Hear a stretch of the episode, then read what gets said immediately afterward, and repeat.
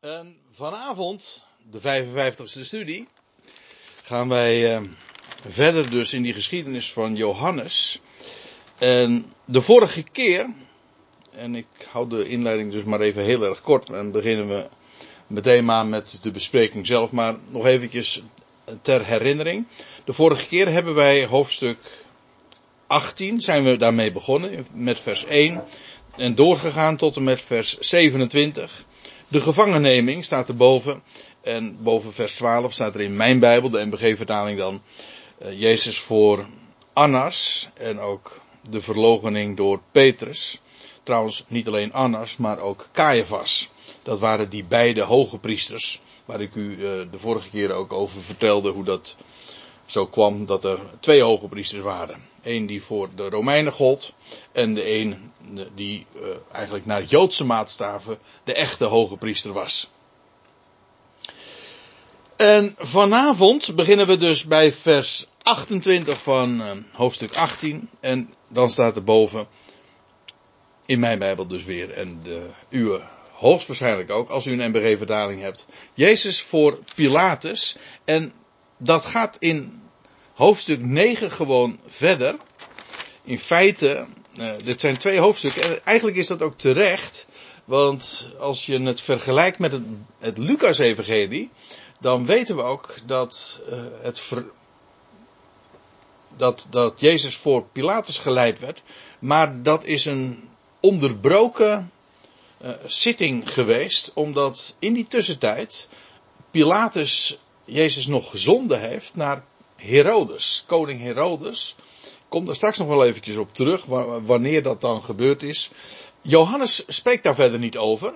Die laat het zien als, uh, als één bijeenkomst of als één zitting. Jezus voor Pilatus. In werkelijkheid blijken dat dus uh, twee uh, zittingen geweest te zijn die onderbroken, die beide onderbroken zijn dus. Goed, nou, ik zei al, beginnen we gewoon maar bij het begin. Of in ieder geval uh, bij waar uh, deze passage aanvangt. Zij dan, dat waren die uh, soldaten die Jezus hadden gevangen genomen. Zij leidden Jezus van Caiaphas, de hoge priester, de officiële volgens de Romeinen dan, naar het pretorium.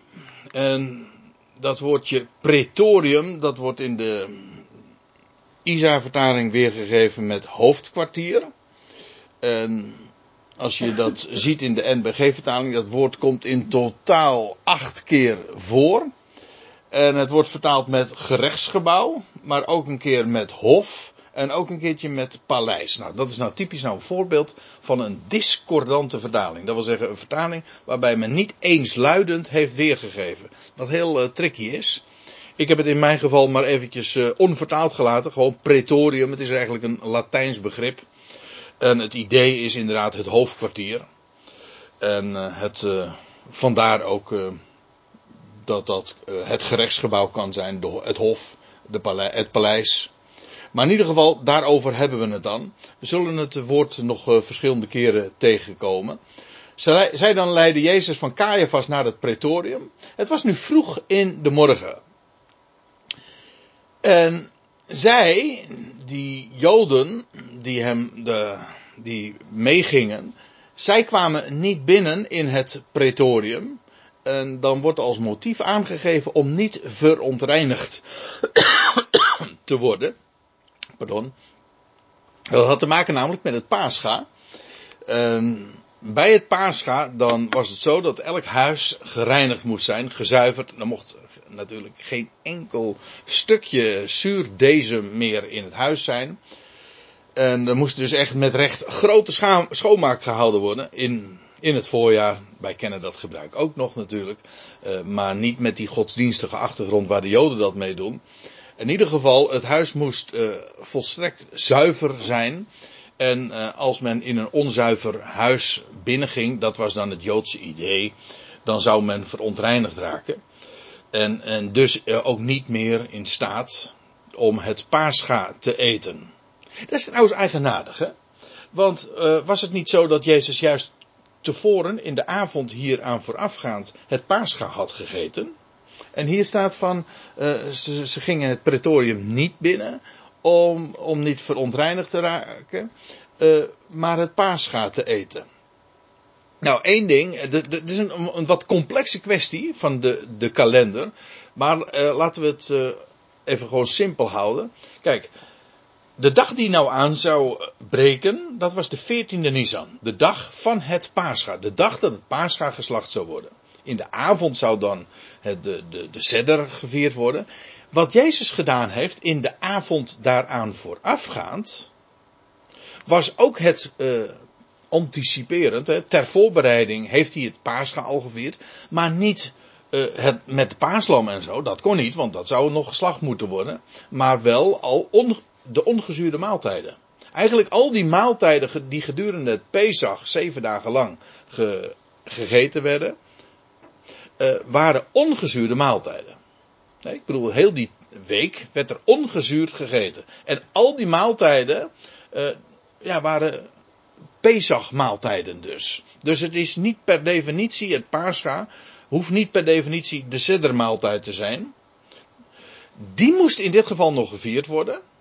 Dat klopt. En wat Jezus gedaan heeft, is een ongezuurde maaltijd. En eigenlijk al ter voorbereiding heeft hij met zijn uh, discipelen al uh, een, uh, een paarschaanmaaltijd gevierd. Maar nogmaals, terwijl de 14e Nisan de dag is dat het echte paarscha dus geslacht zou moeten worden.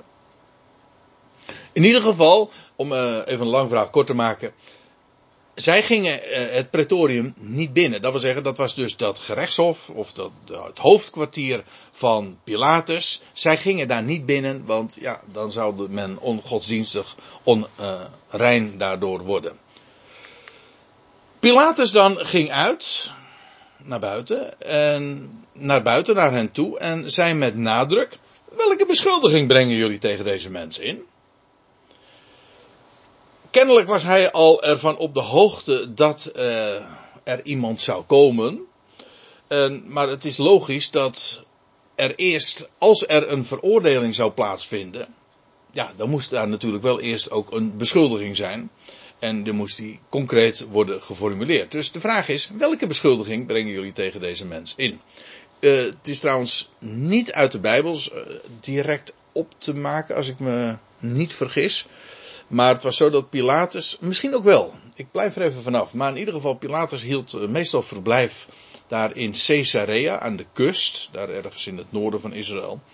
En, waar Paulus trouwens ook twee jaar nog gevangen heeft gezeten. En daar hield uh, Pilatus normaal gesproken verblijf. Hij was de stadhouder, hij ging daar over de stadhouder van, van Judea. Maar daar hield hij dan verblijf.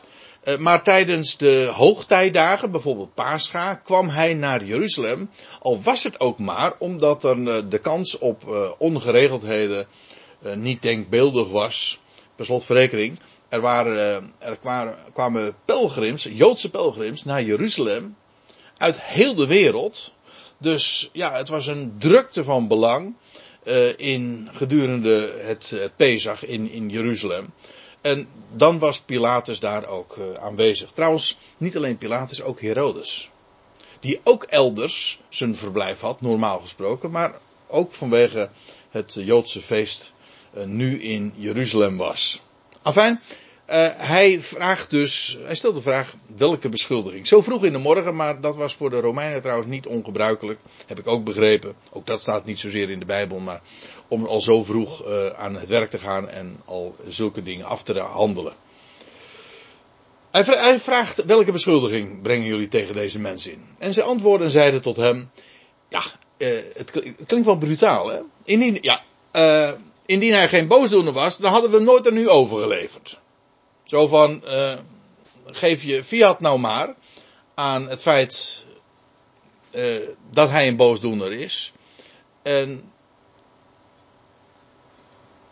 want ja, ze, zouden eigenlijk nu moeten zeggen, concreet, wat zijn uh, de boos, het boze was wat hij gedaan had. Hij, ze zeggen nu gewoon in het algemeen, hij is een boosdoener.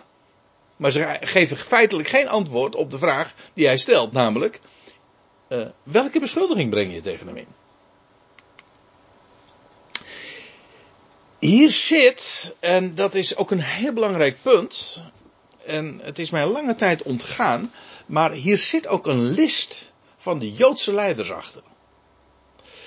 Want, kijk, zij wilden Jezus overleveren aan de Romeinen, zodat de Romeinen Jezus zouden executeren. Dan konden de Joden namelijk hun handen in onschuld wassen. Kijk, als Pilatus, de, als, als hoofd van de Romeinse macht, uh, nu Jezus zou kruisigen. Kruisiging, de kruisiging was trouwens sowieso al een Romeinse executiemethode, niet de Joden. De Joden, de Joden kenden ook de doodstraf. Hoewel ze dat niet eens officieel gerechtigd waren uit te voeren. Maar die kenden ook de doodstraf. Ook de, Bijbel, uh, ook de, de Torah spreekt erover. Maar dat was steniging. Niet de kruisiging. Dat is trouwens een afschuwelijke vorm van executie. Maar goed. Uh, zij wilden dat de Romeinen dat deden, zodat zij daar verder helemaal niks mee te maken hadden. En daar zat nog wat achter, want ja, de Joodse leiding was ontzettend bang voor een opstand onder het volk. Het punt was namelijk dat Jezus bij een deel van het volk heel geliefd was en populair. En stel je dat, we hebben dat al eerder gezien in hoofdstuk 11, dat uh, Caiaphas zich daar al zorgen over maakte. En hij zegt van nou, we moeten deze Jezus uit de, uit het, uh, uit de weg ruimen. Want hij krijgt, deze Jezus krijgt zoveel aanhang onder het volk. Dat uh, straks de Romeinen komen. En die, die ons, zetten ons uit onze macht. Het Sanhedrin, de Joodse, de Joodse raad. En die gaan dan, uh, hij, hij maakte het nog sterker, hij zegt, en die gaan dan de stad Jeruzalem wellicht verwoesten of de tempel van ons afnemen. Wat trouwens ook inderdaad 40 jaar later, precies 40 jaar later gebeurd is. Hoe dan ook, de Joden wilden graag, en daar, we zullen dat later ook nog zien, die zetten alles erop om Jezus te doden. Maar die, in feite hadden ze dat ook kunnen doen. Ik zeg al, uh, dat zullen we later nog wat concreter zien. Maar ze wilden absoluut dat Pilatus daartoe de opdracht zou geven, zodat het geen Joodse daad was. Dat was het punt. Pilatus dan zei tegen hen: eh, Nemen jullie hem maar en oordeelt hem naar de wet van jullie. Die trapte niet in.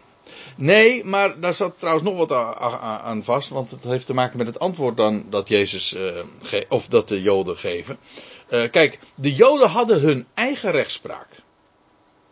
Ze hadden een zekere mate van zelfstandigheid onder de Romeinen. Kijk, ze waren gewoon, uh, ja, Judea, het was Romeins bezet gebied. Ik bedoel, Pilatus was daar de, de machtigste man. En was daar neergezet door de keizer. Maar dat neemt niet weg dat de, het Joodse volk een bepaalde mate van zelfstandigheid had. En ze mochten interne dingen mochten ze regelen. Ze hadden ook, ook een eigen rechtspraak. Het Sanhedrin, het, de Joodse raad dus, die kon dus uh, allerlei straffen ook uitvoeren. En ze konden zelfs ook uh, executeren. Maar dan, executie mocht alleen plaatsvinden met toestemming van de Romeinse overheid. Dus daar moest Pilatus dan wel inderdaad zijn fiat aan geven. En dat is nu juist het hele punt. En de Joden dan zeiden tegen hem: Het is ons niet geoorloofd iemand te doden. En dat klopt. Dat, moesten ze, dat moest dus me, gebeuren met vergunning van, uh, in dit geval, de stadhouder. Er staat trouwens nog iets bij, opdat het woord, dat zegt Johannes dan in zijn beschrijving er als aantekening bij, opdat het woord van Jezus vervuld zou worden, waarmee hij aanduidde welke dood hij zou sterven. Eigenaardig genoeg wordt dat in Johannesevangelie niet gezegd, maar Jezus heeft inderdaad een paar dagen van tevoren al gezegd, kijk hij had al vele keren, uh, of ja, diverse keren ook aangegeven dat hij zou sterven. Dat hij overgeleverd zou worden, dat hij gedood zou worden. Maar hij heeft ook aangegeven dat hij gekruisigd zou worden. Je leest dat in uh, Matthäus 26, vers 2. dat, dat, uh, dan staat er nog bij, het was twee dagen voor het paascha, dus, dus twee dagen eerder. Toen had Jezus gezegd dat hij, had hij aangekondigd en ja, zijn leerlingen moeten daar doof voor geweest zijn. Ze hadden daar tot, op een of andere manier, een mens hoort alleen maar wat hij wil horen. Dat is heel een psychologisch fenomeen. Uh, en, de Joden, en, en de leerlingen van Jezus, de leerlingen absoluut niet uh, uh, ja, bereidwillig om daar zelfs maar over te denken. In ieder geval, Jezus heeft heel uitdrukkelijk al een paar dagen tevoren gezegd dat hij gekruisigd zou worden. Oftewel, door de, op een Romeinse wijze ter dood gebracht zou worden. Ik moet er trouwens ook bij zeggen, dat was uh, ook voor de Joden een vloek om aan een hout gehangen te worden. Dat staat trouwens ook al in de, in de wet van Mozes. Paulus zou dat later ook aanhalen. Maar Jezus had dat van tevoren gezegd. Uh, welke dood hij zou sterven. Namelijk aan het kruis. Niet alleen maar dat hij zou sterven. En wanneer hij zou sterven. Want ja, dit was de 14e Nisan. Maar ook hoedanige dood. Hè? Welke dood hij zou sterven. Namelijk concreet door de kruisiging. De geschiedenis gaat verder. Pilatus dan kwam weer binnen in het pretorium. En ontbood Jezus en zei tegen hem: Ben jij de koning van de Joden? En dat is een. Voor Pilatus was dat een hele terzake vraag. Kijk, Pilatus was de Romeinse stadhouder. En ja, één ding kon uh, absoluut niet gebruikt worden. En dat was een rebel. Iemand die dus tegen het Romeinse gezag inging. Iemand die dus claimt de koning van de Joden te zijn. Ja, dat is niks anders dan. Uh, dat zou hoogverraad zijn, zelfs Jezus de keizer. Want in feite, als het waar zou zijn dat Jezus de koning der Joden zou zijn. En dat zou claimen en daar aanspraak op zou maken. Ja, dan was deze Jezus dus een, een potentieel politiek gevaar. En dan had uh, Pilatus ook gewoon puur om die reden hem absoluut laten, meteen laten executeren. En, want ja, daar waren ze niet zo uh, verlegen in hoor, die Romeinen.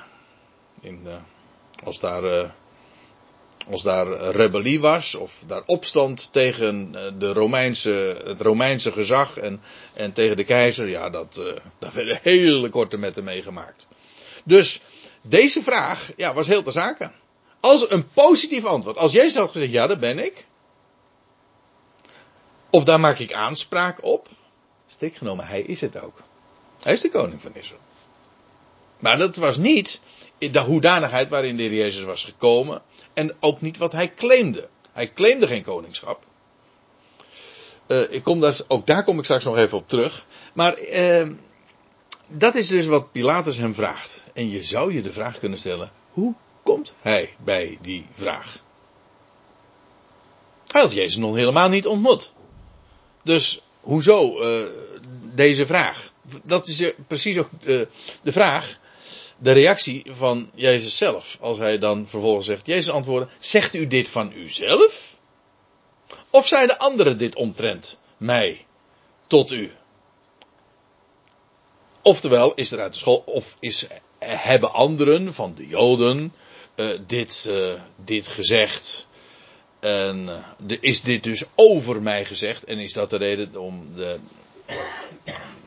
als reden voor het feit dat hij werd overgeleverd?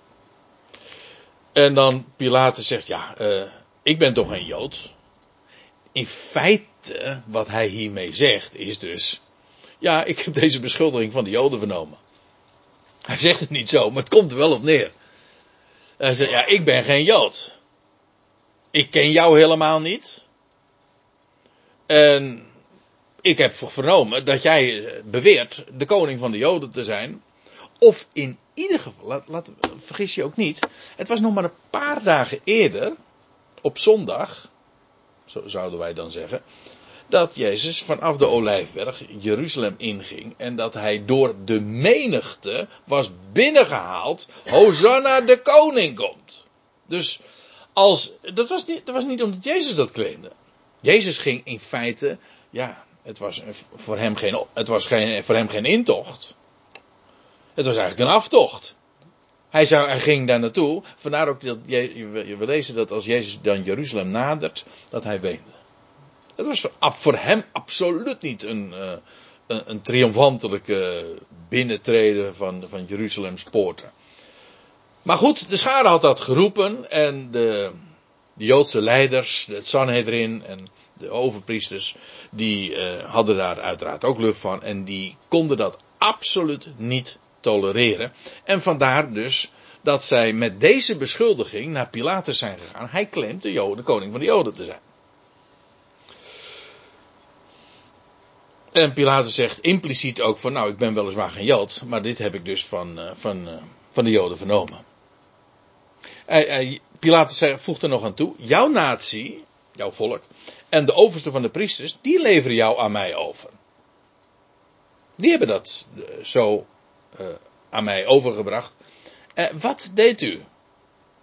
Ja, er werd immers overgeleverd als een boosdoener. En nou is die vraag, wat zeg jij nu zelf? In feite, wat Pilatus tot dusver doet, is uh, precies wat een stadouder geacht wordt te doen. Ik bedoel, hij weet helemaal niet wie hij hier voor zich heeft. Hij moet rechtspraak voeren. Hij moet doen wat. Ik bedoel, er komt een beschuldiging. Oké, en dan moet hij vervolgens checken in hoeverre dat klopt. En nou, dan moet hij het recht toepassen. En wat Jezus dan zegt is dit. Vers 36. Jezus antwoordde: Mijn koninkrijk is niet van uit, letterlijk, ja, niet van, maar letterlijk is niet uit deze wereld. Maakt geen deel uit van deze uh, wereld. Het is geen wereldlijk koninkrijk. In feite wat Jezus zegt, ik inderdaad, ik heb een, ik, ik heb een koninkrijk. Nou ben, hij spreekt over mijn koninkrijk. Dus feitelijk is hij daarmee dus de koning. Maar, zegt hij meteen erbij, het is niet een wereldlijk koninkrijk. Zoals met een politieke macht, een bepaald gebied. En met, macht, en met, met legers enzovoorts. Nee. Waarmee hij dus meteen ook uh, de beschuldiging die de Joden hadden geuit bij Pilatus. Namelijk dat hij de koning zou zijn en dat hij claimde in feite ontkracht. Hij zegt, ja, maar ik, ik, ik doe helemaal geen politieke aanspraken. Ik wil geen koning worden. Eh, dat is mijn uh, opzet totaal niet. Mijn koninkrijk is niet vanuit deze wereld. Dus hij, hij claimde dat niet en dus was hij ook geen gevaar en dus hoefde Pilatus niets van hem te vrezen. Dat is zo. En hij onderbouwt dat ook, want hij zegt in, als mijn koninkrijk uit deze, wel van deze wereld was, ja, dan zouden mijn assistenten, mijn dienaren, maar dat is eigenlijk een iets ander woord, dan zouden mijn assistenten ook strijden. Tuurlijk. Ik bedoel, als hij een koning was, wat gebeurt er dan? Ja, dan heb je toch een, dan heb je politie, dan heb je assistenten, dan heb je een legermacht, soldaten, en dan wordt er voor je gestreden. Dat is, dat is wat uh, een, een wereldlijk koninkrijk is. En uh, dan zouden zij ook hebben gestreden bij de gevangenneming. Hè, opdat ik niet overgeleverd zou worden aan de Joden. Als Jezus inderdaad dat claimde, dan had hij hier nu niet gestaan. Of in ieder geval had er al een strijd plaatsgevonden. Maar er was helemaal geen strijd. Jezus had gezegd van wie zoeken jullie? Nou hier. En zo is hij meegegaan. En Pila er was er één in het gezelschap, daar hadden we het de vorige keer over. Die inderdaad wel zijn zwaard trok. Maar uh, die, werd, die kreeg een reprimande van Jezus te horen.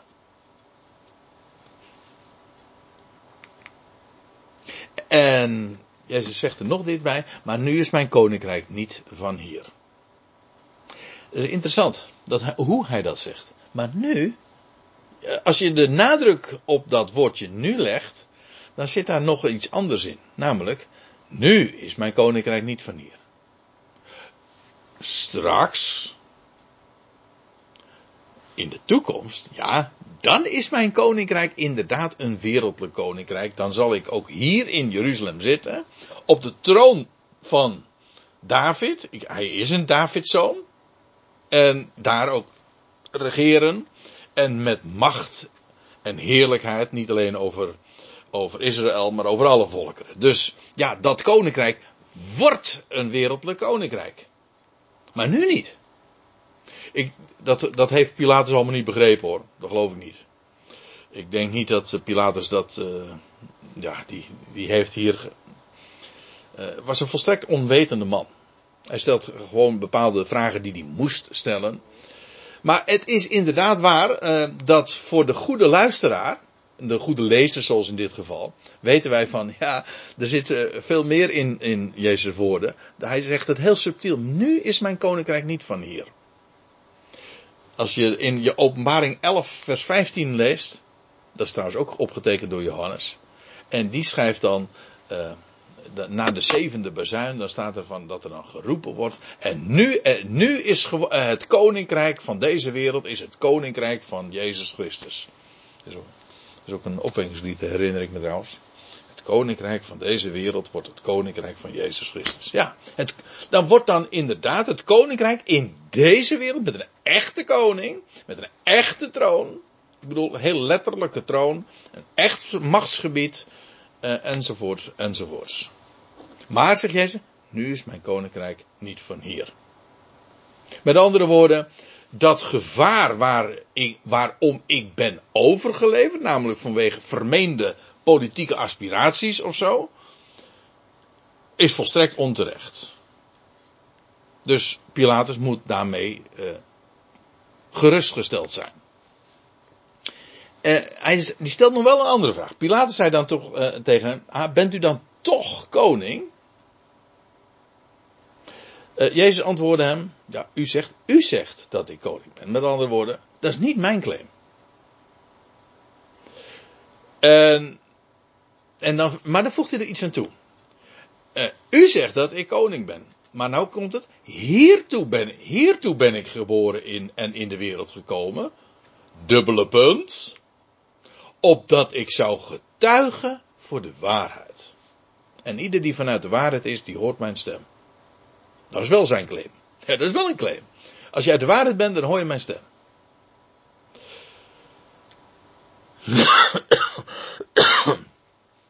dat is wat Jezus ook, uh, ja, zijn hele bediening gedaan heeft.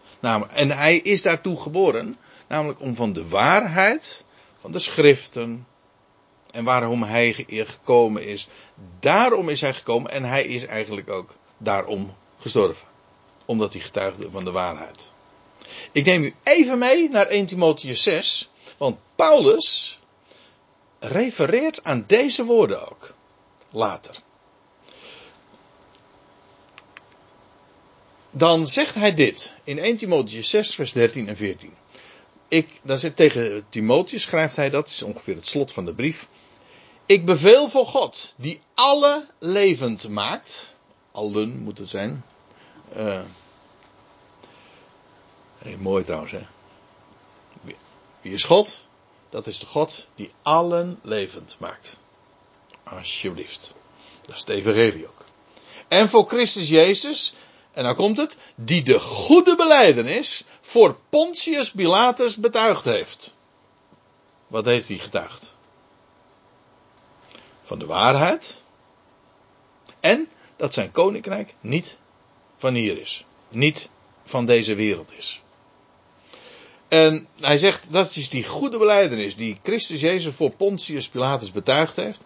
En hij zegt dat, jij dit gebod onbevlekt en onberispelijk handhaaft. Tot de verschijning van onze Heer Jezus Christus. Dat wil zeggen, zolang uh, hij niet, de, onze Heer Jezus Christus niet verschenen is, is dat koninkrijk niet van deze wereld.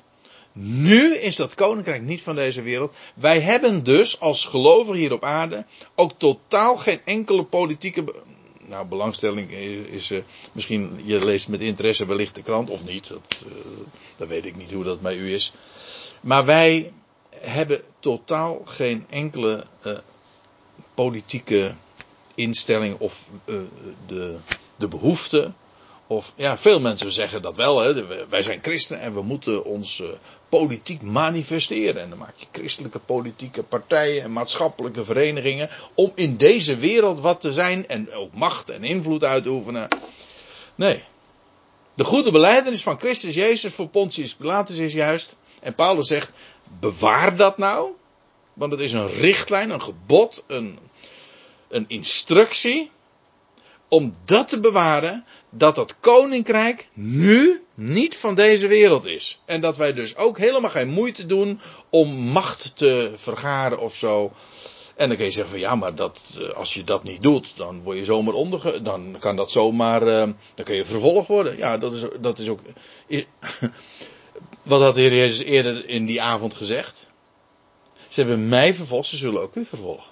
Dat is normaal. Het is niet, het is niet normaal om macht te hebben en invloed in deze wereld. Nee, maar er staat wel, de koning wat de koning ja, Absoluut, ja. ja, zeker. Dat is, je, wij onders, kijk, en dat is wat de Bijbel eigenlijk ook leert. En dat is wat Paulus, trouwens de Heer Jezus ook tegen hem zegt. Later zullen we dat ook zien tegen Pilatus. Je zou geen macht hebben als het je niet van boven was gegeven. Wij onderschikken ons aan de overheden. Dus eh, wij zijn niet rebels, maar wij hebben zelf geen, niet, geen roeping, geen behoefte aan om ons te manifesteren, om macht uit te oefenen. Geen, zo'n zo Luther al, hè, geen, eh, hij maakt heeft, uh, ja, geen aardse macht begeren wij. Ja, nou dat is ook zo. En als die aardse macht aan de orde is, die macht op aarde en het koninkrijk, ja, dan, uh, dan is dat niet omdat wij daarvoor gestreden hebben, dan wordt het ons gewoon gegeven. That's it. That's it. Wij maken deel uit van die mannelijke zoon die, uh, de, uh, ja, die, het, die het hele al zal gaan bestuderen. Dus we hebben wel degelijk een, een geweldige bestemming voor de heerschappij, maar nu, in deze wereld, niet. Daar hebben we geen enkele boodschap aan. Dat is die goede beleidenis die Christus Jezus heeft beleden voor Pontius Pilatus. En die voor ons, zegt Paulus dus, buitengewoon uh, belangwekkend is. Ook een richtlijn. Dus uh, dat is ook iets uh, wat we zo vanuit Johannes 18 voor ons als, als richtlijn kunnen meenemen. Ja, en uh, als Petrus of als Jezus dan zegt van ja, ik ben gekomen in de wereld opdat ik zou getuigen voor de waarheid, dan zegt Pilatus dan die woorden, ach, wat is waarheid? Dat uh, klinkt heel filosofisch om, uh, om je daarover dan te gaan, daarmee dan te gaan bezighouden. Ja, wat is nou eigenlijk waarheid? Maar vergis je niet, de, Pilatus stelt deze vraag niet uh, uit interesse, omdat hij wilde weten wat de waarheid is. Nee, het is juist onverschilligheid. Ach, je, ziet het, je ziet het voor je. Zo. Hij haalt zijn schouder op. Ah, wat is waarheid? Trouwens, uh, dat is nog steeds zo. Degenen die macht hebben in de politiek is waarheid niet van belang. Daar, zijn, daar, in, de, in de politiek gelden heel veel belangen, vooral eigen belang. uh, maar de waarheid, nee. En uh, als je in die, in die regionen verkeert, dan uh, ben je, nou ik wil het heel voorzichtig zeggen, ben je meestal niet in je eerste leugje gestikt. Nee, als je in die positie wil handhaven. hoe was het ook alweer? Dat, dat heeft trouwens koningin toen de tijd nog koningin, gezegd in een kersttoespraak. De leugen regeert. Zij koningin Beatrix. Oei. Ja, aangenaam kennis te maken. Hè? Ja. En dan was dat toch nog weer waar. Hè? Ja, dat was wel waar. ja.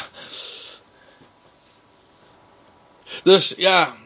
Eh, Pilatus kocht. Eh, wat heb ik aan waarheid? Pilatus wilde gewoon zijn positie handhaven.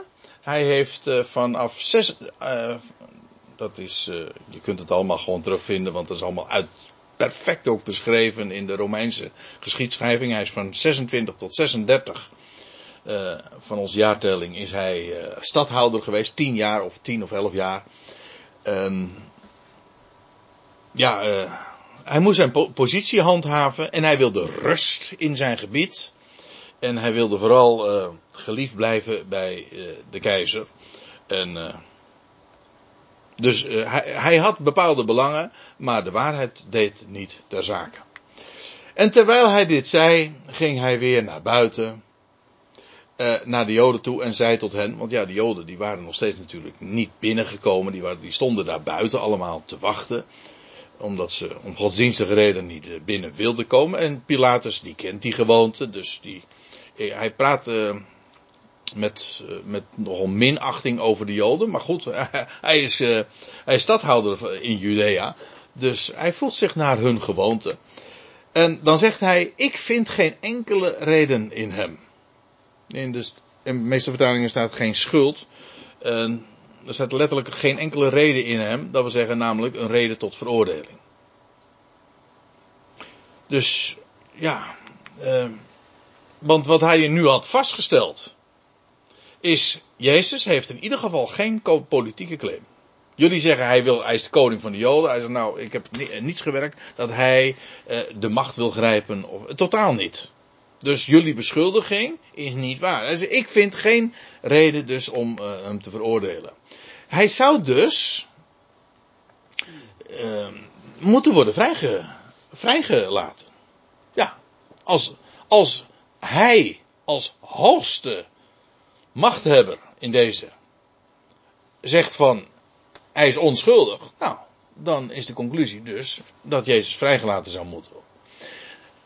Nu zo dat Lucas die vermeldt uh, dan nog. Ja, dat is waar ik eerder in deze, uh, toen aan het begin van mijn studie al even op wees.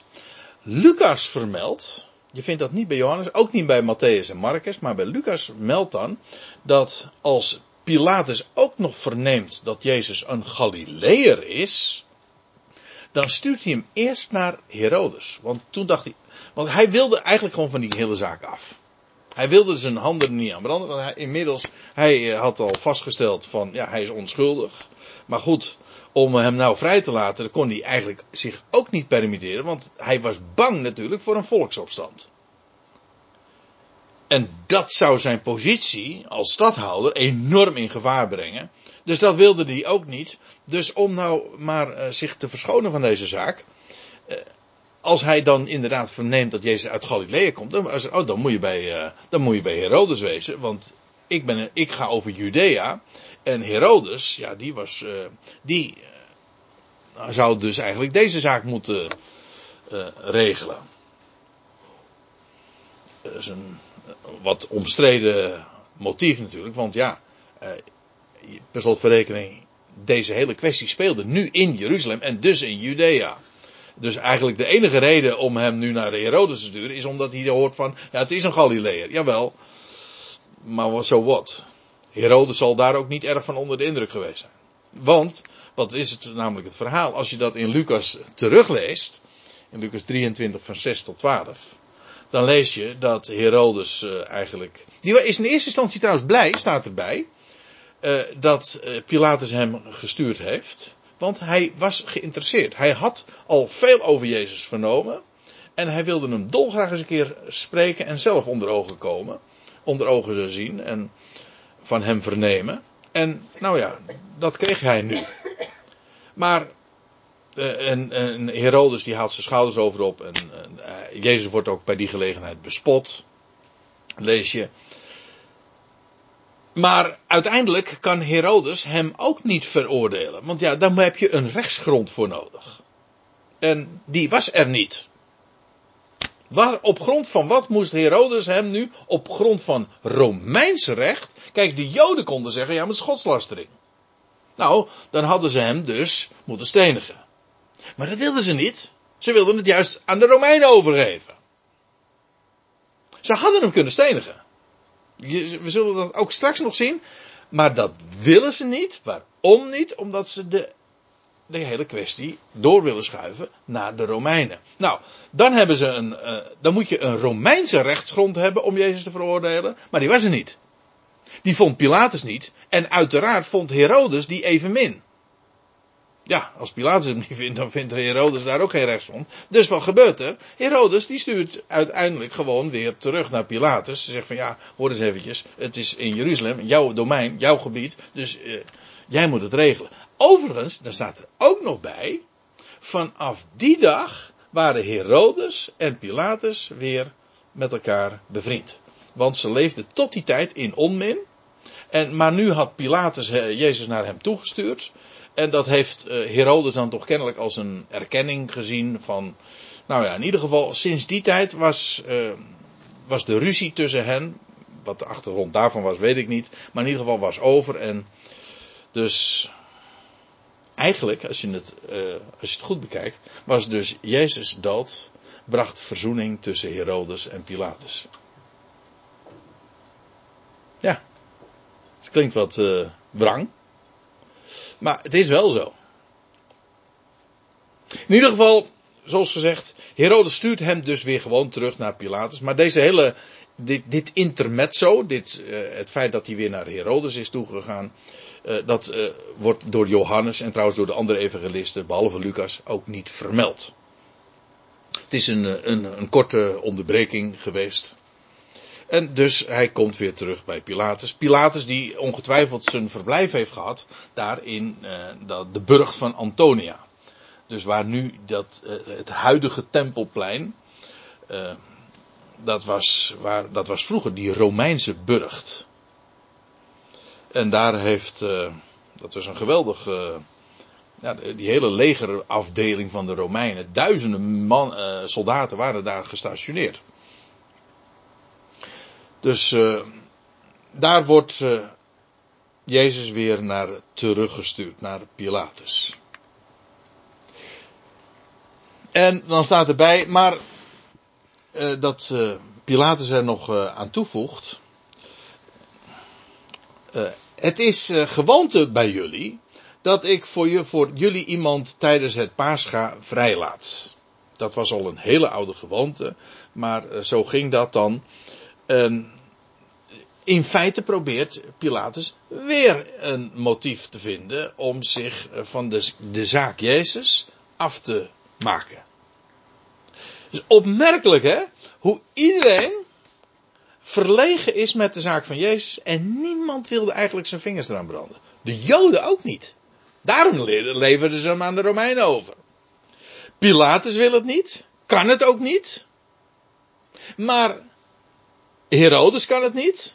En nou vervolgens ziet hij nog een gelegenheid. Nou, bij, de, bij het, deze hoogtij van Pesach, Pascha, uh, is het de gewoonte dat er iemand altijd wordt vrij, vrijgelaten. Amnestie, amnestie wordt verleend. Zo is het. Dat is de klemtoon.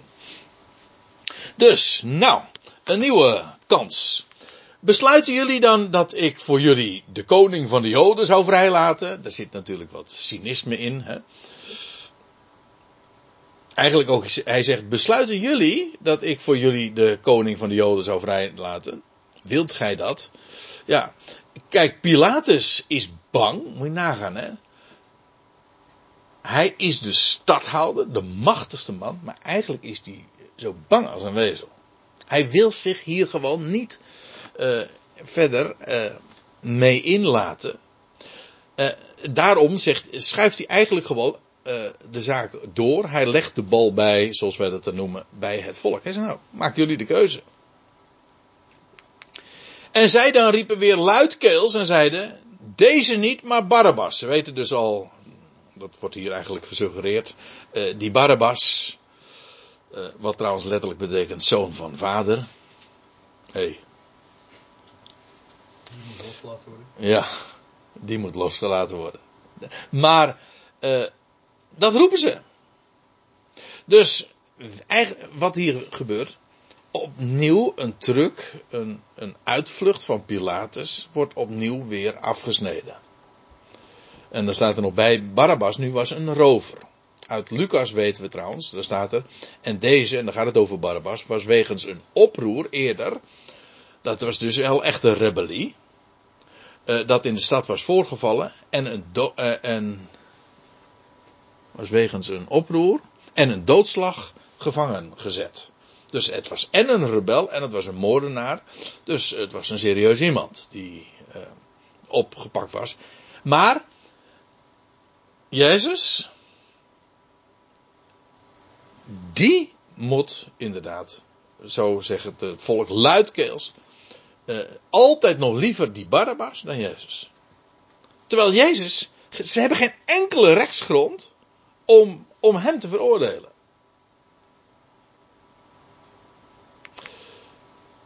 En dan staat er nog bij, Pilatus dan nam, Pila, eh, toen dan nam Pilatus Jezus en gezelde hem. Uh, wat trouwens ook een afschuwelijke ding is. Ik heb dat eens nagezocht. Uh, wat er dan gebeurde. Maar uh, werd iemand ook ontbloot. Een ontblote rug en armen. En met die met hele felle, striemende een, zweep. Maar met ook allemaal haken waardoor je enorm bebloed raakt. werd hij dus geslagen. Maar zo'n geesteling wat voor de, bij de Romeinen trouwens een, eh, een veelgebruikte middel was. Die wordt, dat wordt nu ook weer door Pilatus ingezet, feitelijk weer als een compromis. Zo van, uh, als ik hem nou gezel, misschien zijn jullie dan tevreden.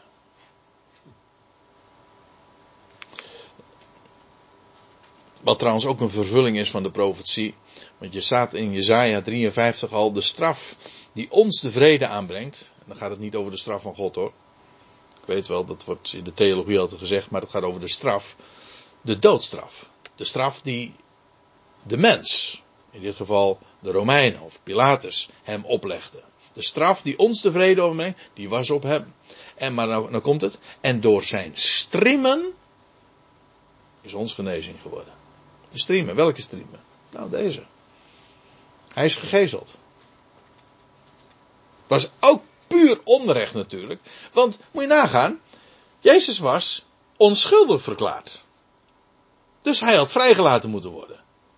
En, maar Pilatus draalt en gaat, stuurt hem eerst naar Herodes, dan doet hij het voorstel van Barabbas. En nu vervolgens deze optie kiest hij. Alle, een onschuldige wordt gegijzeld. Maar goed, Pilatus die stelt alles in het werk om in ieder geval uh, niet te doen wat, er, wat de Joden juist willen dat hij doet, namelijk hem laten kruisigen. En hij wordt gegezeld en dan wordt er ook nog bij gezegd, en we lezen in de andere evangelie, dat dan eh, Jezus in het pretorium genomen wordt en de, de, de soldaten uh, houden zich dan met hem bezig. En dan staat er, ze vlochten een lauwerkrans, een kroon, vanuit dorens en zette die op zijn hoofd. Ook natuurlijk als een pure spot. Uh, ik bedoel, ik heb los van, van de afschuwelijke pijn die dat uh, uiteraard gedaan heeft. Ze hebben op zijn hoofd geduwd, zodat dat niet losgeraakte. En ook als een spot van, oh, dit is de, dit is de koning met een kroon op. Ja, uh, trouwens opmerkelijk, dorens van origine. De eerste keer dat de dorens vermeld werden in de Bijbel was het een, was het een vloek. De aarde zou een vloek, eh, werd vervloekt staat er, en ze zal dorens en distelen dragen. Nou, de vloek was op hem. Dat was zijn kroon. Dus aanhalingstekens. Die zetten zij op zijn hoofd. En ze deden hem een purperen kleed om. Als je dit trouwens even vergelijkt met het Lucas-evangelie. Ik heb dat uh, allemaal zorgvuldig uh, met, naast elkaar gelegd. En dan krijg je, ja, dan krijg je een wat completer beeld als je dat schrift met schrift vergelijkt. Maar dan lees je al dat bij Herodes wordt Jezus ook uh, al een. wordt hij ontkleed. Dat staat er. Hij wordt eerst ontkleed. en dan staat er bij Herodes was hem uh, al een schijnend kleed aangedaan. En ik vermoed dat dat hetzelfde kleed is als wat hier ook uh, genoemd wordt, namelijk dat purperen kleed. Purper was heel duur spul. Dus schit, echt schit, uh, schitterend. Lichtgevend of doorschijnend. En eigenlijk ook een, een koninklijk gewaad, maar dat is hier natuurlijk de spot die met hem gedreven wordt. Dus uh, Jezus wordt eigenlijk naakt en krijgt dan uh, vervolgens uh, dat purperen kleed om. Waarbij ik trouwens nog iets moet zeggen. Purper, dat is paars. Purper, purple, zeggen ze in Engels. Maar dat is een mix. Paars, is geen, echt, dat is geen zelfstandige kleur, dat is een mix. Namelijk van rood en blauw. Dat is bijbelse symboliek. Wat ik zou vertellen, ook de hoge priester droeg in zijn gewaad, in dat hoge priestelijke kleed, ook purper. Dat is een belangrijk element. Maar purper, ja, dat is uh, de kleur van de middelaar. Hij die hemel en aarde verenigt tezamen. Rood, rood is de kleur van de aarde. Als je Hebreeuws zou spreken, dan zou je dit meteen begrijpen, want de aarde, dat is Adom, Adom, Edom. En maar dat is hetzelfde als het woord voor. Uh, nee, de aarde is Adama en, en rood is Edom, Adom. Dus rood. Is gewoon hetzelfde woord, hetzelfde uh, opbouw van het woord. Zodat aarde altijd geassocieerd wordt met rood. Zoals wij, en dat hoef ik niet uit te leggen, de hemel geassocieerd wordt met de kleur blauw. Hemel, blauw. Past bij jou. Hm? Zodat in de spot die hier met Jezus gedreven wordt, en in die krans, die kroon van doornen, en in die, dat purperen kleed dat hem aangedaan wordt, feitelijk een hele diepe waarheid besloten ligt. En ze kwamen naar hem toe en zeiden: Verheug je, koning van de Joden, of wees gegroet. Nou, letterlijk is dat: uh, verheug je, wees blij, koning van de Joden. Spot is, ligt er natuurlijk duimendik bovenop. En ze gaven hem slagen in het gezicht. Eerder lees je al dat een, een van die assistenten van de hoge priester, Jezus in Gethsemane, een, een slag in het gezicht had gegeven. En hier geven die soldaten hem slagen, meervoud, in het gezicht.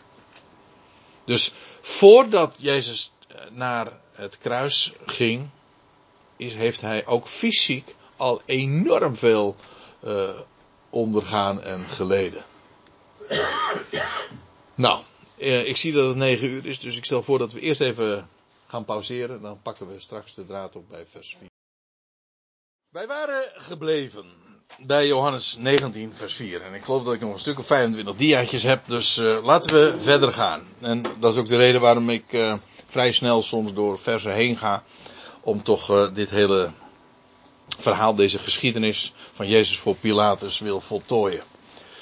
Pilatus ging weer uh, opnieuw naar buiten, nadat dus uh, die gezeling had plaatsgevonden, maar ook uh, de bespotting. Dan staat er, zie, ik leid hem, hij ging naar buiten, dus waar de Joodse menigte waar, zich bevond en ook de leidslieden. Zie, ik leid hem voor jullie naar buiten, opdat jullie zouden weten dat ik geen enkele reden, tot veroordeling dus, in hem vind. Dit is de tweede onschuldige verklaring. Hij had, dit was al eerder vermeld, namelijk in vers 38 van het voorgaande hoofdstuk. En nu opnieuw zegt hij, komt hij weer naar buiten, ik vind geen enkele reden in hem om te doen wat jullie van mij vragen. Jezus dan ging naar buiten, dragende de doornige lauwerkrans en het purperen kleed. En Pilatus zei tot hen, en dan krijg je die woorden, zie de mens. Ecce homo. Ik, het is uh, iets wat ik vrij zeldzaam doe, maar in dit geval haal ik dit kunstwerk er toch eventjes bij. Ecce homo, van een Antonio Sison, een Italiaan, uit de 19e eeuw. En ik, uh, dat zeg ik omdat ik, ik heb dit, ik was nog een ventje, nog geen tien jaar, dat ik al zo vaak, heel vaak naar deze plaat heb gekeken. Dat was trouwens een zwart, zwart-wit af, afbeelding. En het intrigeerde mij omdat het zo goed op deze projectie zie je het misschien niet zo heel erg sterk, maar als je de afbeelding, moet je maar eens kijken op internet. Als je dat ziet, Ecke Homo intikt of zie de mens, eh, dan kom je bij deze afbeelding terecht. En eh, wat ik er zo sterk aan vind, is dat het haast fotografisch is. Zo schilderde deze man. En het is net alsof je een, een afbeelding ziet, nou zo uh, moet dat gegaan zijn. In ieder geval, dus je ziet Pilatus dus zo naar buiten gaan. Het morgenlicht eh, komt hem zo tegemoet. En dan zie je hem naar, zo naar buiten. En de menigte die daar beneden daar staat. Want hij staat er op dat, uh, dat terras. En dan roept hij van nou kijk, kijk naar wat er gebeurd is. Zie de mens. Ik vond het heel indrukwekkend. Nou ja, ik, bij uitzondering wil ik daar toch eens op gewezen te hebben. In ieder geval, uh, dan krijg je de reactie. Toen de overste van de priesters, de overpriesters, en de assistenten hem dan waarnamen, riepen ze luidkeels en zeiden. Ik, overigens, er wordt wel eens de indruk gewekt alsof dit een heel massaal gebeuren is geweest. Van een heel groot vo, uh, menigte. Maar het tijdstip van de dag, dat was nog heel vroeg in de morgen. Straks zullen we ook zien dat het, het was nog geen zes, het was in dit geval nog ineens zes uur in de ochtend. Zo groot zal die menigte nog niet geweest zijn. Er was weliswaar heel veel reuring geweest, maar dat waren dan vooral de overpriesters, het Sanhedrin, die actief waren geweest. De, de assistenten, degenen die het gevangen hadden genomen enzovoorts. Maar hier zie je het ook. Toen de overpriesters en de assistenten hem dan waarnamen, riepen ze luidkeels en zeiden, kruisig hem, kruisig hem. Daar zullen ongetwijfeld ook andere mensen bij geweest zijn. Maar eh, ik denk eerlijk gezegd niet aan een, aan, een, aan een enorme menigte. Dat is ook trouwens, dat was precies ook waar ik op stuitte toen ik deze plaats bekeek. Want als je die wat meer inzoomt, uh, dan zie je dat het helemaal vol staat van, van mensen. En ik denk niet dat dat zo geweest is. Ik denk dat als uh, weliswaar uh, daar een, een, een, groep mensen heeft gestaan, maar niet zo massaal als, uh, alsof het een soort van massa-demonstratie is geweest. Dat was op dit tijdstip nog niet aan de orde. In ieder geval, dat is wat de overpriesters en de betrokkenen dan vervolgens luidkeels roepen. Kruisig hem, kruisig hem. En Pilatus zei tot hen, nemen jullie hem maar en kruisig hem. Want ik vind geen reden in hem. Kijk, wat we hier zien is precies wat, we, wat ik al eerder aangaf. Wat feitelijk hadden de Joden dit kunnen aangrijpen. Dan zeggen van oké, we krijgen nu dus feitelijk vergunning van de Romeinen om hem te kruisen. En dat willen ze niet. Ze willen niet toestemming krijgen dat zij hem kruisigen. Sowieso, dat was hun executiemethode niet. Zou, in dat geval zou hij gestenigd worden. Maar dat willen ze niet. Ze willen helemaal niet dat zij hem kruisen. Ze willen dat de Romeinen dat doen. Dus eh, als Pilatus dan, dan zegt: nemen jullie hem maar en kruisigen jullie hem. Want ik vind geen reden in hem. Dan distancieert Pilatus zich daar dus feitelijk van. Hij was zijn handen in onschuld. En die uitdrukking, die kennen we allemaal nog natuurlijk, want het is een standaard Nederlandse uitdrukking. Maar die juist ontleend is aan Pilatus. Want van Pilatus lezen we, niet in Johannes-evangelie, maar in Matthäus-evangelie, dat als inderdaad het besluit beklonken is, dan lees je dat hij demonstratief zijn handen wast. Zo van, uh, dit is mijn zaak niet, ik ben hier niet schuldig aan. Wat natuurlijk uh, wel aangeeft dat Pilatus donders goed wist dat dit absoluut onrecht was. Maar tegelijkertijd is hij een slappeling geweest. En bovendien, je kan hem daarmee natuurlijk ook niet vrijpleiten. Want hij heeft dat dan toch maar uh, allemaal uh, mogelijk gemaakt. Dus ja, je kan je handen wel in onschuld wassen, maar dat maakt niet dat je onschuldig bent. Maar uh, dit is dus heel belangrijk. Dit, dit geeft ook precies aan dat de Joden dus echt alles in het werk hebben gesteld. Dat de Romeinen dit helemaal voor hun rekening nemen. En zelfs, zoals je hier dan leest, dat als Pilatus hen feitelijk een, een, een carte blanche geeft van ga je gang. Doe met hem wat je wil. Zelfs al wil je hem kruisigen. Dat ze dat niet willen. En de Joden antwoorden hem dan: wij, heb, wij hebben een wet en naar de wet is hij verschuldigd te sterven. Dat hadden ze namelijk al vastgesteld in het Sanhedrin, in de Joodse raad in de nacht, nou ja, in de uren uh, hiervoor, dat Jezus voor Caiaphas en Annas was. Uh, in de andere evangelie wordt dat wat breed, uh, uitgebreider beschreven. Want daar was hij namelijk al veroordeeld. In de pauze had ik het al even met Fred ook over. Dat dan op een gegeven ogenblik zijn ook daar worden er allemaal getuigen opgevoerd en ze worden achter elkaar uh, van de uh, ja wordt dat gewoon geseponeerd want uh, ze zijn niet rechtsgeldig want er zijn en uiteindelijk komt Pilatus nee pardon dan komt de hoge priester zelf en die zegt ik bezweer je. Nou moet Jezus dus echt antwoorden. Ben je de zoon van de levende God Jezus had dat nooit aan publiek zo gezegd. Maar het was Petrus geweest ooit die dat zo had verteld. En toen had Jezus gezegd: mondje dicht. Nog niet. Het is nog niet de tijd om dat nu te gaan prediken. Maar als de, daar gaat het nu even om. Als de hoge priester dan Jezus bezweert, zegt van, ben je de zoon van de levende God? En Jezus bevestigt dat dan. Dan lees je dat de hoge priester zijn, zijn gewaad scheurt. Wat hij precies gescheurd heeft, maar in ieder geval zijn hoge priesterlijk gewaad. Typologisch heel mooi. Want feitelijk wat je hier ziet is dat, dat het hoge priesterschap van Aaron feitelijk terzijde wordt gesteld voor de zoon van God. Eigenlijk, eh, ik zou zeggen, eh, lees het commentaar van de Hebreeënbrief erover, want daar gaat het helemaal over. Maar goed, ehm, dan zegt die hoge priester, die dan uh, zijn, zijn gewaad scheurt, heel demonstratief, en hij zegt, wat voor, uh, wat voor beschuldigingen hebben we verder nog nodig? Want deze man is des doods schuldig. Dat zegt hij dus. Het was niet eens een formele Joodse zitting. Dat mocht in de nacht trouwens niet eens. Het was, het was een opeenstapeling van onrecht en van onrechtmatigheid ook. Maar uh, de hoogpriester verklaart dan: we hebben verder geen beschuldiging meer nodig. Deze man is des doods schuldig. Dit is namelijk godslastering. Deze man die claimt zoon van God te zijn. Kijk maar.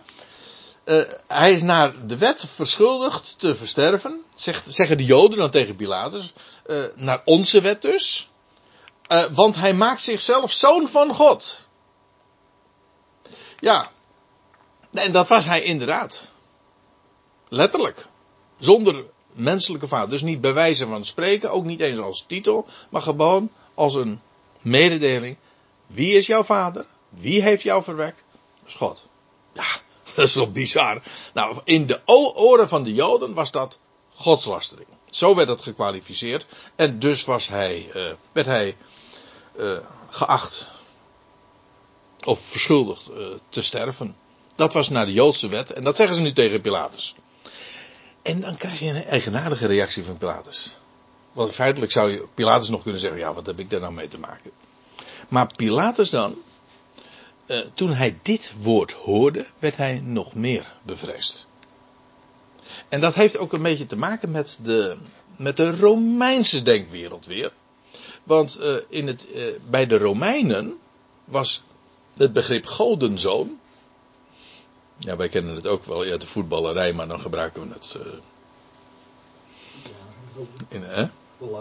Ja, precies, ja. Uh, dan gebruiken we het weer op een symbolische manier. Maar echt een godenzoon, dat was voor de Romeinen een, een aanspraak die echt indruk maakte. Want die hielden dat absoluut niet voor onmogelijk. Dan zie je dus ook weer, ja, wat, wat, voor, wat is je achtergrond en je denkwereld, wat zijn de concepten waar je van uitgaat. Maar in ieder geval, hoe dan ook, Pilatus, als die dat hoort dat Jezus dat claimt te zijn, uh, wordt hij nog meer bevreesd. Hij was het dus al. Hij was al doodsbang eigenlijk om zich aan deze zaak te branden. En nu, vervolgens hoort hij dit. Maar hij claimt dus niet de zoon uh, of uh, geen koning te zijn. Dat had hij al inmiddels aan de kant geschoven. Want dat was niet terecht. Maar nu wel, nu hij dit hoort. Want hij had natuurlijk wel in de gaten, dit is, dit was een hele merkwaardige ontmoeting met deze man. Nou, dan staat er in vers 9, en hij kwam het uh, pretorium weer binnen. Het was iedere keer erin en eruit. En hij zei tot Jezus, van waar ben je? Eigenlijk wil hij dus hier, nu hij dat gehoord heeft van de zoon van God. Dus hij wil horen, wat is jouw afkomst? Maar Jezus gaf hem geen antwoord. Want één ding was inmiddels al duidelijk. Uh, hij was weliswaar, Pilatus was nu getriggerd en was bang, maar was niet geïnteresseerd in de waarheid. Jezus gaf hem geen antwoord. En Pilatus dan zei tot hem, die, die is verbaasd natuurlijk. Hij, Romeins stadhouder. En nou staat daar iemand. Hij stelt gewoon een vraag. En Jezus geeft geen eens antwoord. Uh, en hij vraagt, spreek je niet tot mij? Voor Pilatus was dit zwijgen veelzeggender dan woorden. En dan vraagt hij nog iets, want, en daar, om indruk te maken op Jezus. Hij zegt, weet je niet dat ik volmacht heb om jou vrij te laten? Maar ook volmacht heb om jou te kruisigen. Is dat geen vertwijfelde vraag?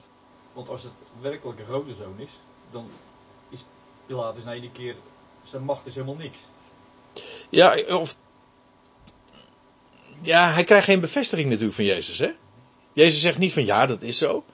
Uh, hij hoort dat en, en, hij heeft in ieder geval in de gaten van dit is zo'n bijzondere man. En de wijs, want ja, terwijl Pilatus hier eigenlijk de bangerik is, staat Jezus hier ja, in rust, heel sereen, in, uh, geeft hij antwoord. Hij, alsof hij helemaal de situatie ook meester is. Nou, ik zeg alsof, maar zo. Dus ja, hij maakt een enorme indruk. Maar dan nou zegt hij van, ja, nou, hij stelt een vraag, krijgt geen antwoord. En dan zegt hij, maar weet je dan niet dat ik volmacht heb om jou vrij te laten? Hij weet ook, natuurlijk, dat hij, uh, ja, dat Jezus natuurlijk wel, uh, wel inmiddels uh, zich realiseert van, ja, ik, er is geen rechtsgrond om mij te veroordelen. En daar appelleert hij aan. Hij, hij, wil Jezus onder druk zetten om hem te laten spreken. Weet je niet dat ik volmacht heb om jou te, vrij te laten? En volmacht heb om jou te kruisigen? En dan weer. Hier, het antwoord van Jezus. Staat hij, hij staat boven de vraag en ook de positie van Pilatus. Hij zegt, Jezus antwoordde hem, u zou geen volmacht tegen mij hebben als het u niet van boven gegeven was. En met andere woorden, jij, Pilatus, hij spreekt respectvol, dat wel, maar het gezag en de macht die hij heeft, dat is slechts van boven ontvangen. Hij Pilatus is dus zelf een ondergeschikte. Ja, onwetend, dat wel. Wist Pilatus veel. Pilatus had geen weet van dat hij zelf ook maar een, een radar was in dit hele uurwerk. Pilatus is onwetend, een onwetende ondergeschikte. Er staat trouwens nog iets eigenaardigs bij. Ik, heb, ik ben, in het verleden heb ik daar vaak over gestruikeld. Uh, maar dan staat er vervolgens bij, daarom heeft degene die mij aan u overleverde grotere zonde. Dat woordje daarom vond ik altijd wat vreemd. Uh, maar het idee is, uh, Pilatus is een onwetende ondergeschikte. Daarom heeft degene die mij aan u overleverde, oftewel de hoge priester, grotere zonde. Jij bent onwetend, hij niet. Pilatus was, ondanks het feit dat hij qua macht en autoriteit natuurlijk boven de hoge priester stond. De hoge priester moest uh, toestemming geven, uh, of moest toestemming vragen aan Pilatus hoe, hoe, het verder moest. Dus Pilatus stond daar boven. Maar daar staat tegenover dat die hoge priester, die wist, ja, die had de schrift, en dat was de hoge priester, die per slotverrekening, uh, dat was een man die de schriften beheerde en dergelijke. Die wist wat hij deed, Pilatus niet, was een onwetende man. Overigens, er staat, die, daarom heeft degene, degene, de hoge priester dus, enkelvoud, die mij aan u overleverde, grotere zonde. Dat wil zeggen, jij, jij mist net zo goed je doel. En jij bent ook niet vrij te pleiten. Ook al ga jij je handen in, eh, in water wassen, in onschuld wassen. Maar dat wat de hoge priester doet, en het erin, omdat zij veel meer weten, ja, was hun zonde groter, overtreffender. En dan staat erbij, vanwege dit zocht Pilatus hem vrij te laten. Ja, dat was wel duidelijk. Hè? Hij zocht alle gelegenheid om hem vrij te laten. Maar de Joden riepen luidkeels en zeiden: Als u deze vrij zou laten, bent u geen vriend van de keizer. Dat was trouwens een, heb ik me laten inlichten.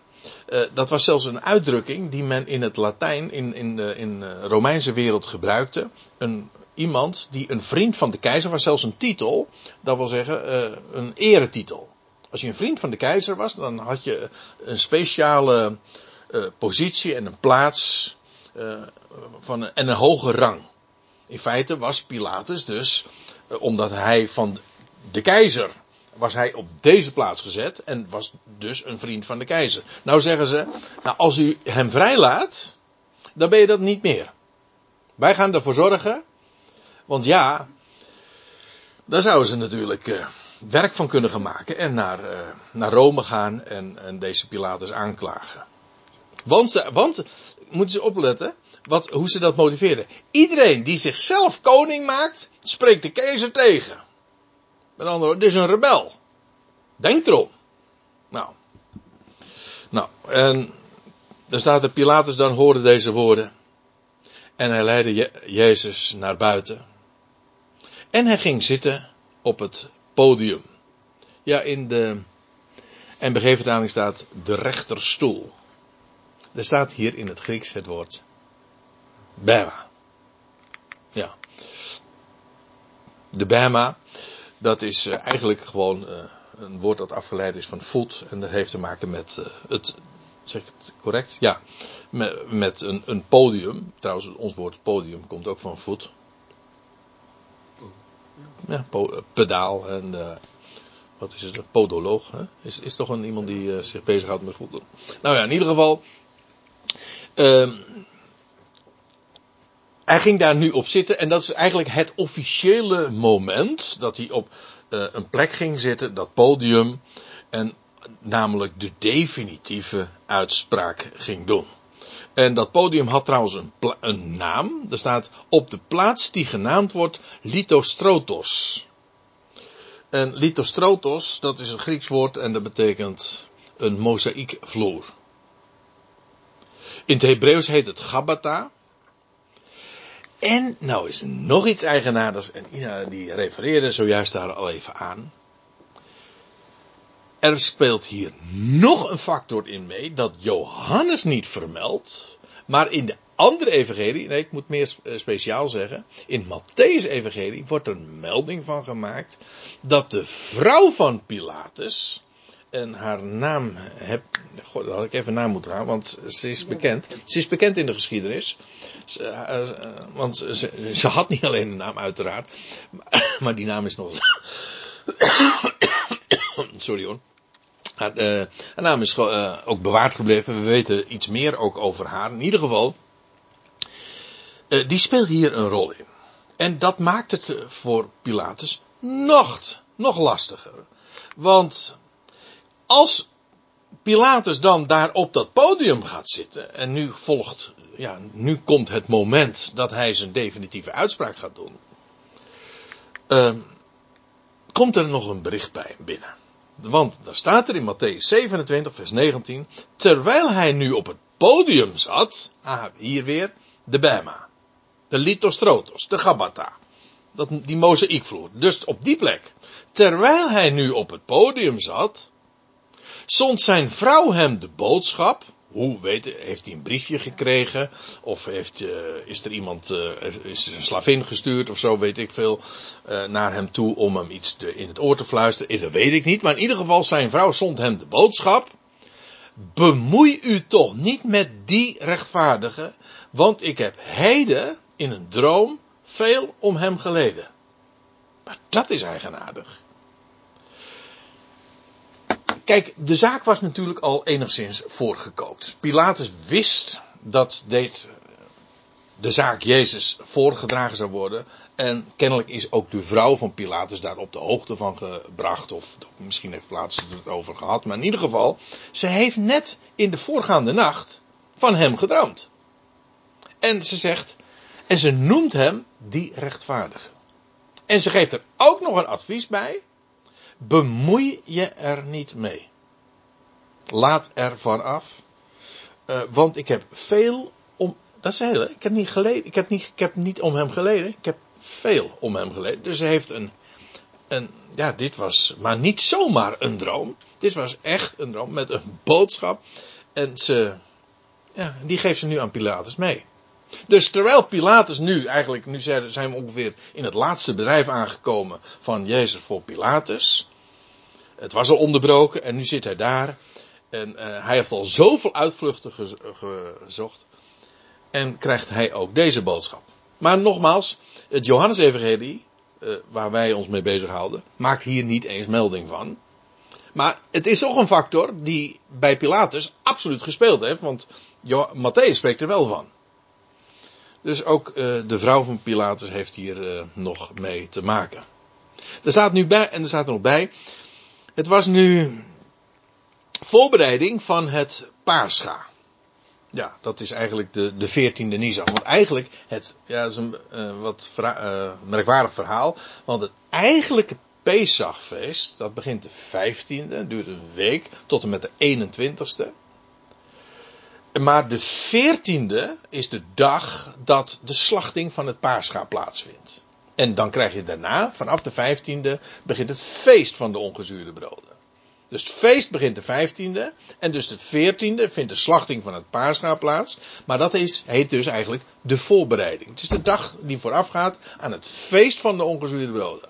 Ik zeg het is een beetje ingewikkeld, omdat men in de praktijk al vanaf de 13e al geen ongezuurde brood. Maar het feest van de ongezuurde broden begint de 15e.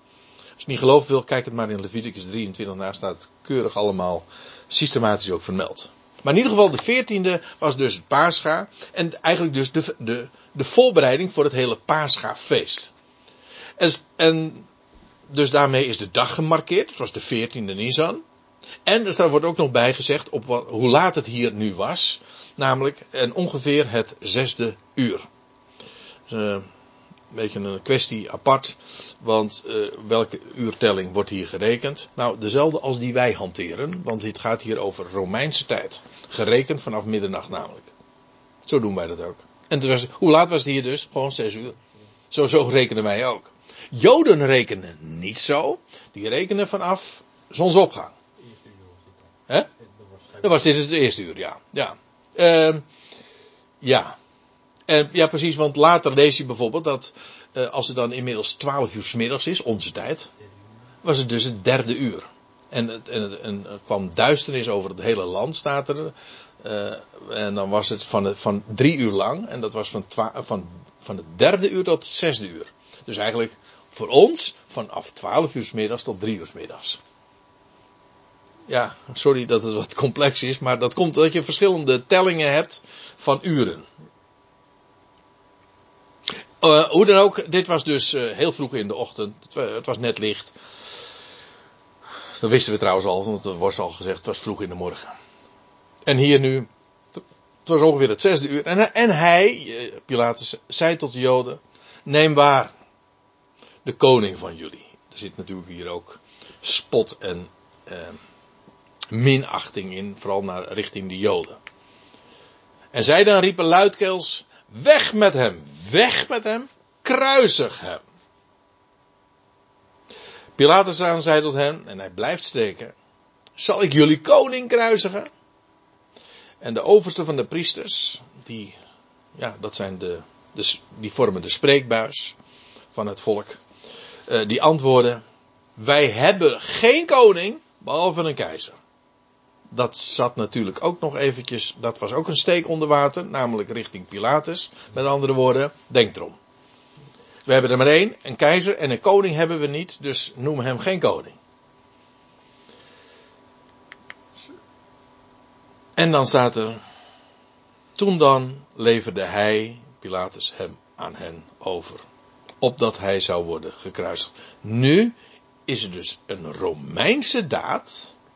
Pilatus die geeft hen aan hen over, maar dat wel, maar gewoon met niet alleen zijn toestemming dat zij het doen, hij gaat het zelf doen. Hij, eh, hij, hij vol, hij geeft fiat aan hun eh, en toestemming aan hun wil, dat is waar. Hij geeft daar aan toe. Wat een onrecht trouwens. Afschuwelijk. Maar ook, eh, hij doet wat zij hem vragen, maar ook hij eh, geeft ook, zet zijn handtekening eronder. Ook als zijn, eh, zijn handen in onschuld wast. eh, het zijn Romeinse soldaten die uiteindelijk dit ook gaan eh, vervullen. En niet de Joden. Die wilden dit niet gedaan hebben. En nou ja, en dan krijg je inderdaad, dit is vers 16a. En de volgende keer gaan we verder. Dat zal dan over drie weken zijn, neem ik aan. Ja. Als bij leven en welzijn. En dan gaan we verder met 16b. En daar staat dan inderdaad dat zij hem uh, zelf zijn kruis laten dragen en naar de schedelplaats brengen, Golgotha. En daar wordt hij op de Romeinse wijze en door Romeinse soldaten ook daadwerkelijk gekruisigd. Allemaal op die 14e Nisan, de dag van het Paarscha. Dat je laat zelfs wel ziek gemeld hebben na Ja, ja want dit was een, uh, voor hem een, uh, ja. een enorm dossier, een hoofdpijndossier, zouden ze dat tegenwoordig in de, in de politiek noemen. En nou denk ik niet dat Pilatus hier uh, erg veel van gehad heeft in verband met, met zijn geweten. Nee, want de waarheid en recht, dat, dat was nou niet bepaald prioriteit nummer één. Ik zeg het eufemistisch natuurlijk. Maar neem niet weg, dit lag wel heel gevoelig, want dit, hij heeft natuurlijk wel aangevoeld, dit is, dit is uh, in alle opzichten zo onrechtmatig wat hij deed. Ja, maar mag, kijk, de, de Romeinse recht stond toch wel een soort van hoog aangeschreven. Hij mocht er ook een rommeltje van maken. Nee, absoluut hij, niet. Hij kon, hier, hij kon hier niets mee doen. Hij kon hier verder helemaal niets mee, nee. Hij wilde geen oproer, maar het recht uh, moest ook plaatsvinden. De, uh, ja, hij kwam hier gewoon niet uit. En dat geldt voor de Joden natuurlijk net zo. Die moesten hier ook van af. En, en ondertussen, en dat vind ik natuurlijk het allerwonderlijkste, maar daar hebben we het wel vaker over gehad. Uh, het uur was nu gekomen. Nu moest het gebeuren. En al die factoren, de Joden wilden het zelf niet doen, de Romeinen wilden niet. En uiteindelijk, het gebeurt, nu moest het gebeuren.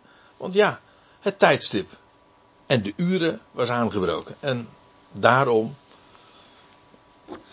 Stond het vast. Het stond vast. Het was na de. Peter zou dat later zeggen, misschien mag ik daarmee afsluiten.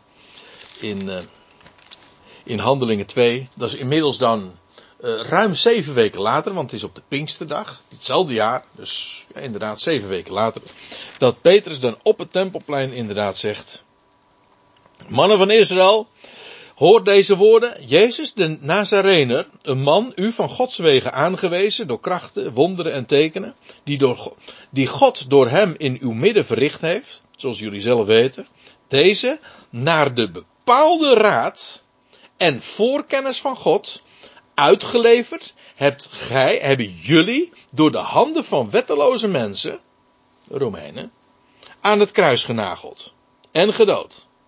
God evenwel heeft hem opgewekt, want hij verbrak de weeën van de dood, nadien het niet mogelijk was dat die hem zou vasthouden. Nou ja, en dan volgt er meer. Maar naar de bepaalde raad en voorkennis van God. En zo moest het dus gaan. En godzijdank, zo is het ook gegaan. Want ja, als je de geschiedenis zo leest, dan denk je van wat een, wat een onrecht, wat een noodlottigheden. En, en tegelijkertijd, hier gebeurt, dit is een godsgeschenk. Dit is, zo moest het gaan. In 15 eeuwen tevoren had God het al zo bepaald. Dan zal het paascha worden geslacht. Net zo goed als drie dagen later zou de dag van de eerstelingsschoof zijn. Zullen we het daar voor vanavond bij laten? Want